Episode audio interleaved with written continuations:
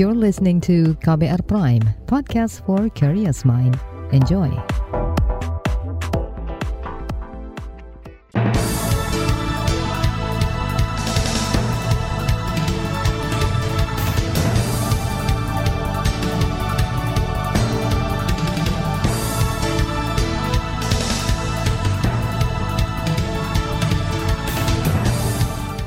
Selamat pagi saudara, senang sekali kami bisa menjumpai Anda melalui program Buletin Pagi KBR edisi Kamis 29 September 2022 bersama saya Roni Sitanggang. Sejumlah informasi pilihan telah kami siapkan di antaranya pedagang pasar bantah klaim mendak harga kebutuhan pokok stabil. Presiden akan percepat penyaluran bantuan subsidi upah. Saksi sebut TNI tembakan arah mendatar saat peristiwa pelanggaran HAM Paniai. Inilah buletin pagi selengkapnya. Terbaru di buletin pagi. Ikatan Pedagang Pasar Indonesia IKAPI membantah klaim Menteri Perdagangan Zulkifli Hasan yang menyebut harga bahan pokok di pasar stabil bahkan menurun di 100 hari kerjanya. Menurut Ketua Bidang Penguatan Usaha dan Investasi DPP IKAPI, Ahmad Khairul Furkon, saat ini harga kebutuhan pokok cenderung naik sudah banyak bukti sekali bahwa sudah banyak sekali kenaikan harga seperti cabai rawit merah, cabai keriting, harga bawang, bawang merah, bawang putih, beras, dan lain-lain itu sudah mengalami kenaikan. Nah, apakah itu yang disebut oleh Mendak itu validitasnya tinggi? Ya, kita lihat karena harga sembako itu memang fluktuatif. Prinsip pasar kan liabilitas juga, supply and demand juga. Ini yang harus dijaga oleh Kementerian Perdagangan. Ketua Bidang Penguatan Usaha dan Investasi DPP IKAPI Ahmad Khairul Furqon menilai Menteri Perdagangan Zulkifli Hasan cenderung lebih banyak melakukan pencitraan di 100 hari kerjanya. IKAPI mendorong Mendak sebaiknya fokus pada kinerjanya menstabilkan harga pangan. Sebelumnya Menteri Perdagangan Zulkifli Hasan mengklaim mayoritas harga bahan pokok stabil, bahkan turun selama 100 hari ia menjabat sebagai menteri. Salah satu komoditas yang diklaim mengalami penurunan harga adalah minyak goreng. Satu hari pertama memang saya masih agak gugup begitu, tapi hari kedua saya sudah ketemu penyebabnya. Kadang rata-rata sudah 13 ribu lebih ya harganya. Tapi yang minyak kita gitu. Karena minyak itu ada yang branded, tapi yang ada merek juga ikut turun. Ada yang merek minyak yang harganya dipatok, nggak boleh lebih dari 14 ribu. Nah yang 14 ribu ini rata-rata sudah 13.800. Kalau di Jawa 13 ribuan. Jadi 21 September 2002 turun 15,20 persen dibanding 15 Juni. Saya kan 15 Juni, atau diangkat ya. Menteri Perdagangan Zulkifli Hasan mengklaim setidaknya ada 10 bahan pokok yang mengalami penurunan harga sejak ia bertugas sebagai menteri. 10 bahan pokok itu di antaranya minyak goreng kemasan sederhana, daging sapi, cabai merah besar, bawang putih, dan gula pasir. Sementara itu komisi yang membidangi perdagangan di DPR menilai belum ada penurunan signifikan terhadap harga bahan pokok. Bahkan menurut anggota Komisi Perdagangan DPR Herman Khairon, harga sejumlah komoditas bahan pokok justru stabil di angka tinggi. Ya relatif stabilnya stabil tinggi. Ini hanya momentum-momentum saja yang kalau dinyatakan bahwa kita stabil dan aman tentu tidak dirasakan oleh rakyat karena juga pengaruh BBM pasca kenaikan BBM juga ini terjadi tekanan harga sehingga harga meningkat juga. Nah kalau melihat situasinya masih menjadi PR besar lah bagi Mendak ke depan bagaimana melakukan stabilisasi harga pada tingkat harga yang terjangkau. Nah ini yang menjadi PR dan tentu harus diselesaikan dalam waktu-waktu ke depan. Anggota Komisi Perdagangan DPR Herman Kairon juga meminta agar Menteri Perdagangan Zulkifli Hasan memastikan raca perdagangan aman. Termasuk, kata Herman, terus berkoordinasi dengan Kementerian Pertanian guna memastikan ketersediaan stok pangan dan melakukan intervensi menstabilkan harga kebutuhan pokok. Berdasarkan sistem pemantauan pasar dan kebutuhan pokok di Kementerian Perdagangan, sejumlah bahan pokok yang mengalami peningkatan harga yaitu beras premium, beras medium, kedelai impor, dan tepung terigu. Harga kebutuhan pokok itu dibandingkan KBR dalam rentang 100 hari kinerja Menteri Perdagangan Zulkifli Hasan, yaitu dari Juli ke September. Sementara itu pengamat dari Lembaga Pemantau Ekonomi KOR Muhammad Faisal berpendapat tidak semua harga bahan pokok dapat dikendalikan Kementerian Perdagangan. Meski tak merinci, Faisal menyebut beberapa bahan pokok justru naik di pasar Yang saya ingat justru ada beberapa komoditas bahan pokok yang mengalami kenaikan. Ada cabai rawit, kemudian ada bawang, bahkan terakhir beras, cenderungan bahan pangan pokok memang mengalami kenaikan. Jadi memang tidak semua berada dalam kontrol Kementerian Perdagangan. Ada masalah bahan baku kalau yang dari impor ya, karena patokan harga internasional. Ya, ada juga memang faktor yang dalam kontrol Kementerian Perdagangan, yaitu tata niaga dan kelancaran distribusi dari produsen ke konsumen konsumen. Direktur Eksekutif KOR Muhammad Faisal menilai faktor penyebab harga bahan pokok sulit dikendalikan adalah kendala di rantai distribusi seperti halnya komoditas minyak goreng. Faisal lantas memberi catatan kepada Menteri Perdagangan Zulkifli Hasan untuk membenahi rantai distribusi kebutuhan pokok masyarakat dengan intervensi pemerintah. Gunanya untuk memastikan suplai dan permintaan harga mencapai harga yang lebih terjangkau. Saudara Kejaksaan menyebut berkas perkara Verdi Sambo CSP 21 alias lengkap. Informasinya akan hadir saat lagi, tetaplah di Buletin Pagi KBR. You're listening to KBR Pride, podcast for curious mind. Enjoy!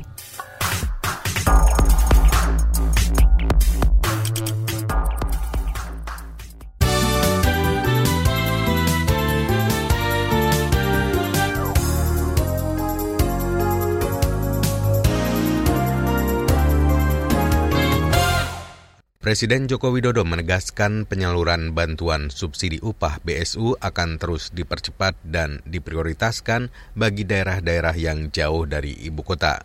Pernyataan itu disampaikan Jokowi usai meninjau penyerahan BSU kepada penerima manfaat di Ternate, Maluku Utara kemarin. Ini akan terus dipercepat oleh Bu Menteri, utama yang jauh-jauh dari ibu kota, dan saya akan pantau tidak semuanya, tapi ya akan saya cek satu persatu. Presiden Jokowi mengatakan hingga saat ini penyaluran bantuan upah di Indonesia sudah mencapai 48 persen atau sekitar 7 juta penerima manfaat. Sedangkan untuk bantuan langsung tunai BLT BBM, penyaluran sudah 96 persen atau hampir 20 juta penerima. Kepala negara mengingatkan kepada seluruh penerima agar memanfaatkan bantuan sosial untuk hal produktif, bukan untuk membeli telepon genggam, pulsa, atau baju baru. Penyandang disabilitas, terutama yang disebabkan penyakit kusta, menggambarkan tingginya angka kemiskinan di suatu daerah. Berbicara di Tokso Ruang Publik KBR, perencana ahli muda di Direktorat Penanggulangan Kemiskinan dan Pemberdayaan Masyarakat, Kementerian PPN Bapenas Dwi Rahayuningsih menyebut stigma di masyarakat masih membatasi disabilitas kusta ini juga mempengaruhi juga bagaimana akses mereka kepada tingkat pendidikan, akses kepada ketenaga kerjaan, kewirausahaan, termasuk juga ketika penyandang disabilitas ingin berwirausaha dengan mengakses modal dari lembaga keuangan juga ini masih terdapat diskriminasi ataupun juga stigma stigma tertentu yang membuat aksesibilitas penyandang disabilitas terhadap hal-hal tersebut juga sangat terbatas. Perencana ahli muda di Kementerian PPN Bapenas, Dwi Rahayuningsih menyebut lembaganya telah berkoordinasi dengan sejumlah kementerian dan pemerintah daerah terkait pentingnya meningkatkan cakupan program kesejahteraan sosial bagi penyandang disabilitas kusta, tidak hanya jangkauan kesehatan tapi juga jangkauan sosial. Kejaksaan Agung menetapkan berkas perkara pidana pembunuhan Brigadir Nofriansah Yosua Huta Barat atau Brigadir J dengan status P21 atau lengkap. Berkas perkara itu milik tersangka Ferdi Sambo, Putri Chandrawati, Kuat Ma'ruf, Richard Eliezer, dan Ricky Rizal. Jaksa Agung Muda Bidang Tindak Pidana Umum Fadil Zumhana mengatakan kejaksaan akan menggabungkan berkas perkara Ferdi Sambo dalam kasus pembunuhan dan obstruction of justice untuk mempersingkat persidangan. Kata Fadil, berkas perkara tujuh tersangka merintangi penyidikan pembunuhan Brigadir J juga sudah lengkap. Masih soal hukum, Majelis Hakim Pengadilan Tindak Pidana Korupsi Tipikor di Pengadilan Negeri Jakarta Pusat memfonis bekas Dirjen Bina Keuangan Daerah Kemendagri Muhammad Ardian Norvianto 6 tahun penjara dan denda 250 juta subsidi kurungan 3 bulan. Ketua Majelis Hakim Suparman Nyompa menilai Ardian terbukti melakukan korupsi pinjaman dana pemulihan ekonomi nasional daerah. Ardian juga diminta membayar uang pengganti sebesar 131 ribu dolar Singapura atau sekitar 1,3 miliar rupiah paling lambat satu bulan setelah putusan ingkrah. Wakil Ketua Komisi Pemberantasan Korupsi KPK, Johanis Tanak mengusulkan hukuman koruptor harus berlipat ganda. Komisioner KPK pengganti Lili Pintauli Sirgar itu menyebut selain mengembalikan uang negara yang dikorupsi, koruptor juga harus membayar sanksi denda. Nantinya ketika ada orang yang melakukan tindak pidana korupsi, kemudian saya berharap dia dapat mengembalikan uang tersebut, tetapi dia kena denda juga, kena sanksi juga. Jadi kalau dia merugikan negara 10 juta, saya berharap dia mengembalikan kepada negara 20 juta. Jadi uang negara tidak keluar, PNBP untuk negara ada. Bisa saja dua kali atau tiga kali. Johanis Tanak yang sebelumnya Direktur Tata Usaha Negara Kejaksaan Agung mendukung program kerja KPK saat ini. Program yang dimaksud Tanak itu lebih menekankan pencegahan dibanding penindakan korupsi. Kemarin Johanis Tanak terpilih menggantikan Lili Pintauli Siregar sebagai Wakil Ketua KPK lewat proses voting tertutup. Sebelumnya, Lili mengundurkan diri pada Juli lalu sebelum Dewan Pengawas KPK mengadilinya di sidang etik. Beralih ke berita mancanegara. Amerika Serikat mendesak warganya segera angkat kaki dari Rusia karena khawatir diminta mengikuti wajib militer dan berpotensi dikirim ke perang melawan Ukraina. Dalam pernyataannya, Kedutaan Besar Amerika khawatir Rusia akan merekrut warga yang punya dua kewarganegaraan, Rusia dan Amerika. Kedutaan juga meminta warganya menjauhi aksi demonstrasi karena tidak adanya jaminan hak menyampaikan pendapat secara damai dan kebebasan ekspresi di Rusia. Masih dari berita luar negeri, India melarang salah satu kelompok Muslim Front Populer India sehari setelah menggerebek kantor dan menangkap lebih dari 100 pemimpin lembaga itu. Kementerian Dalam Negeri India dikutip dari Reuters menyebut Front Populer India atau FPI dan afiliasinya terbukti terlibat dalam pelanggaran termasuk terorisme dan pendanaannya. Kemendagri India juga menjabarkan bahwa Front Populer India atau FPI terlibat pembunuhan keji, mengabaikan konstitusi negara, mengganggu ketertiban umum dan merugikan integritas, keamanan, dan kedaulatan negara.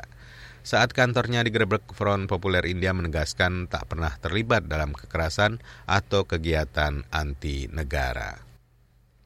Beralih ke berita olahraga.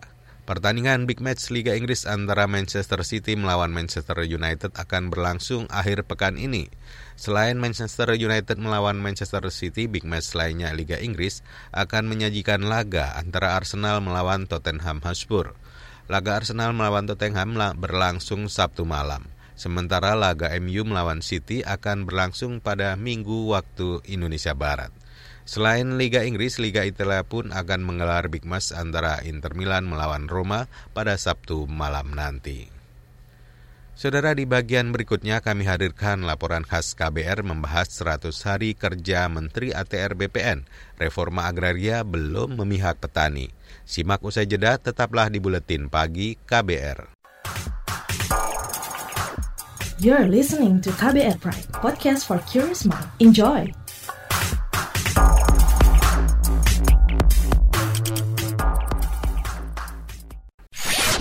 Commercial break. Commercial break.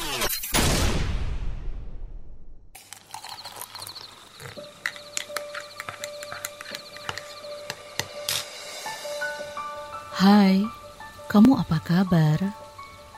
Masih suka menikmati senja dan kopi? Aku masih ingat kebiasaan kita. Sehabis pulang kerja, selalu mencari tempat untuk sekedar ngobrol dan ngopi tapi kadang kita kehabisan bahan obrolan. Aku masih melakukan hal yang sama sampai sekarang tanpa harus takut habis bahan buat ngobrol. Karena aku selalu mendengarkan KBR sore dari Senin sampai Jumat jam 4 sore. Ah, aku rindu. KBR Inspiratif Terpercaya.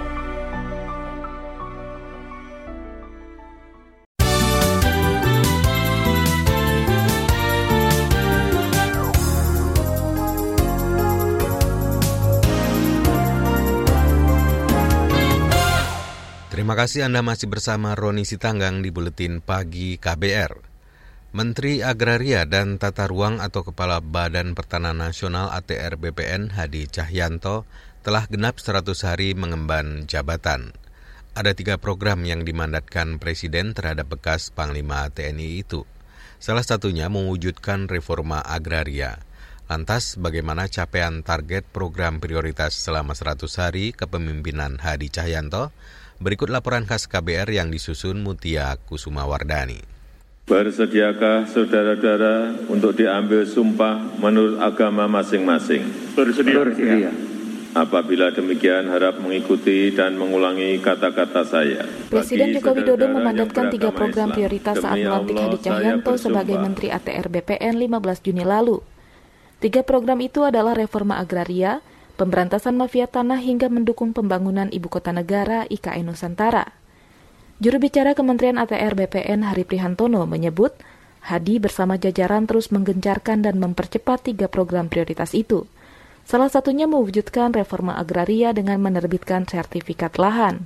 Ia mencatat sebesar 92 persen dari target 4,5 juta hektare aset tanah sudah dilegalisasi yang sudah juga uh, cukup menonjol adalah sertifikat-sertifikat yang sudah selesai itu ada beberapa yang untuk penyerahannya dilakukan sendiri oleh Bapak Menteri itu door to door baik yang ada di Jakarta maupun di beberapa daerah dan ada juga yang dilakukan secara paralel Bapak Menteri menyerahkan di daerah mana kemudian kepala kantor BPN maupun Kanwil menyerahkan di mana.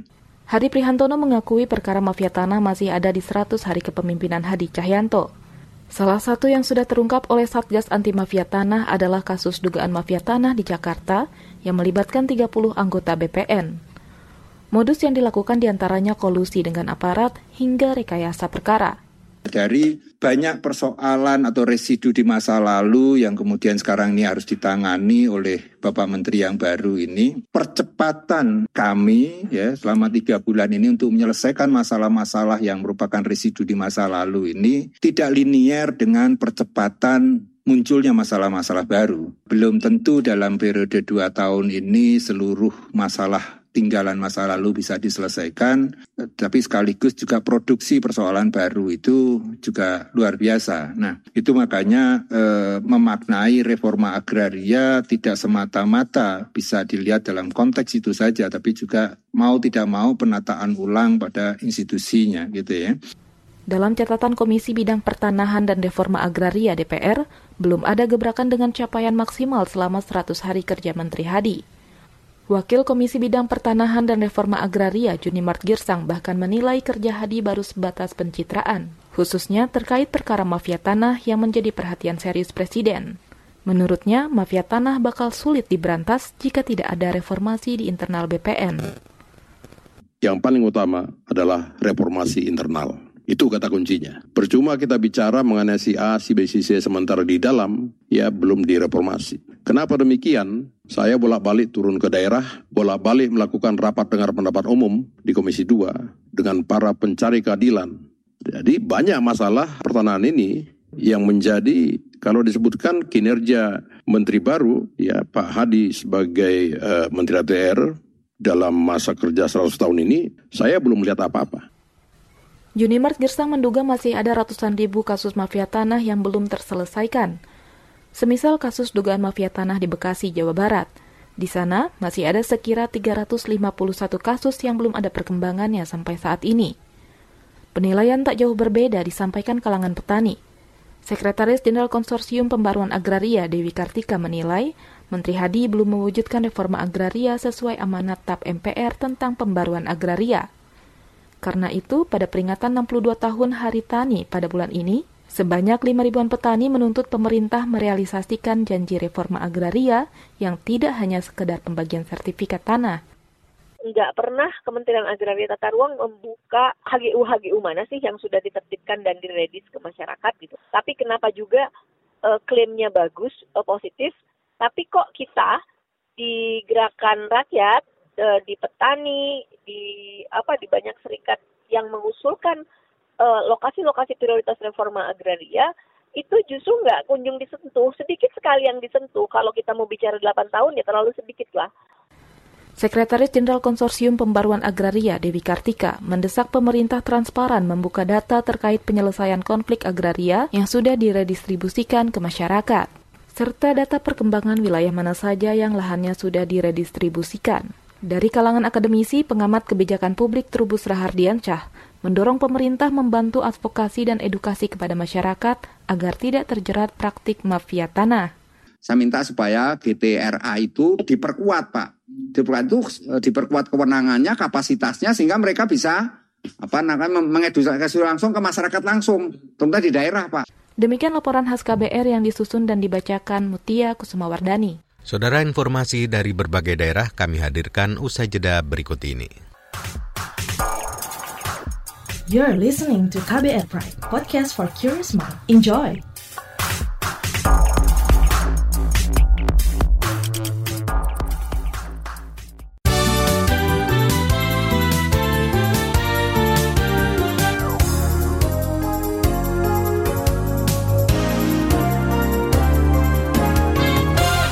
Dan mendengarkan bagian akhir buletin pagi KBR. Saudara salah seorang saksi di kasus dugaan pelanggaran HAM berat Paniai, Papua, Bribtu Andiriko Amir mengatakan aparat TNI menembak ke arah mendatar untuk membubarkan masa yang berdemo di depan kantor Koramil Paniai awal Desember 2014.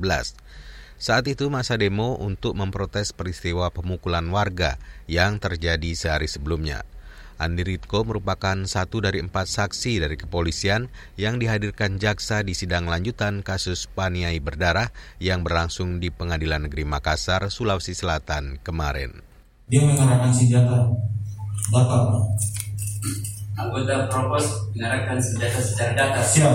Ya, dari jarak berapa meter? Siap yang saya tahunya tidak sampai ada 2 meter. Untuk selanjutnya setelah kejadian penembakan anggota Provos menyerahkan senjata secara data. Apa ada korban? Ada satu. Satu. Depan pagar. Ya. Kemudian tahu siapa identitasnya yang itu? Siap, tidak tahu. Yang jelas masyarakat. Saksi di kasus dugaan pelanggaran HAM berat Paniai, Andi Riko Amir menambahkan, usai insiden tembakan yang mendatar itu, tampak jatuh korban dari warga. Amuk masa mulai mereda dan bergerak mundur. Dalam kesaksiannya, Andi Riko juga mengaku melihat ada dua warga korban luka tembak dan korban luka tusuk. Peristiwa pelanggaran HAM berat di Paniai, Papua terjadi pada 8 Desember 2014. Saat ini ada satu terdakwa yang dibawa ke persidangan, yaitu bekas perwira penghubung, penghubung Kodim Paniai Isak 1. Saudara pendaftaran tanah sistematis lengkap PTSL di Yogyakarta mencapai 90 persen. Menteri Agraria dan Tata Ruang Kepala Badan Pertanahan Nasional ATR BPN Hadi Cahyanto saat peringatan satu dasawarsa Undang-Undang Keistimewaan Yogyakarta mengatakan salah satu penyumbang PTSL yaitu Tanah Kesultanan dan Paku Alam yang mencatatkan 1.200-an bidang sertifikat dalam program PTSL, pendaftaran tanah melalui PTSL, Yogyakarta itu paling baik. Jadi Provinsi Daerah Istimewa Yogyakarta itu 90% sudah terdaftar semuanya. Kalau tanah itu sudah terdaftar, 100% itu statusnya menjadi provinsi lengkap. Dan apa keuntungannya sebagai provinsi lengkap? Adalah seluruh tanah terdaftar tidak ada mafia tanah. Menteri ATR BPN Hadi Cahyanto menjelaskan lengkapnya PTSL membuat adanya kepastian hukum termasuk menjadi senjata melindungi tanah hak masyarakat. Hadi mendorong agar Pemprov DIY mempercepat kekurangan 10 persen bidang tanah untuk didaftarkan PTSL-nya pada tahun ini. Tujuannya agar bisa dinobatkan sebagai provinsi terlengkap PTSL pertama di Indonesia. Warga sekitar Kepulauan Karimun Jawa, Kabupaten Jepara, Jawa Tengah mengeluhkan masifnya pembangunan tambak udang.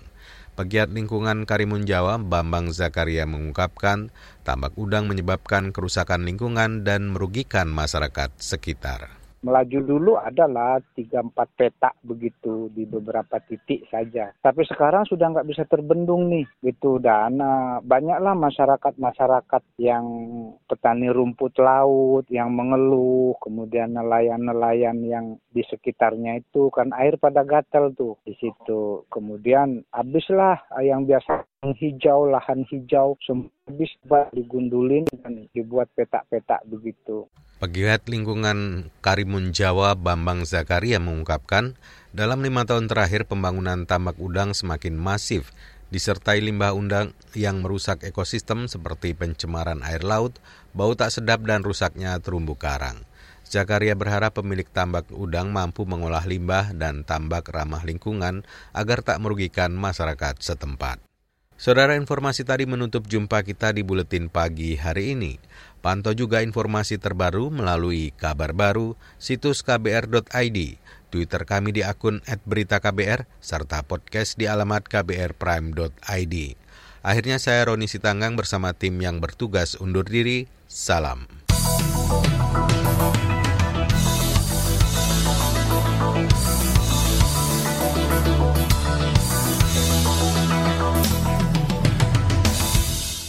KBR Prime, cara asik mendengar berita. KBR Prime, podcast for curious mind.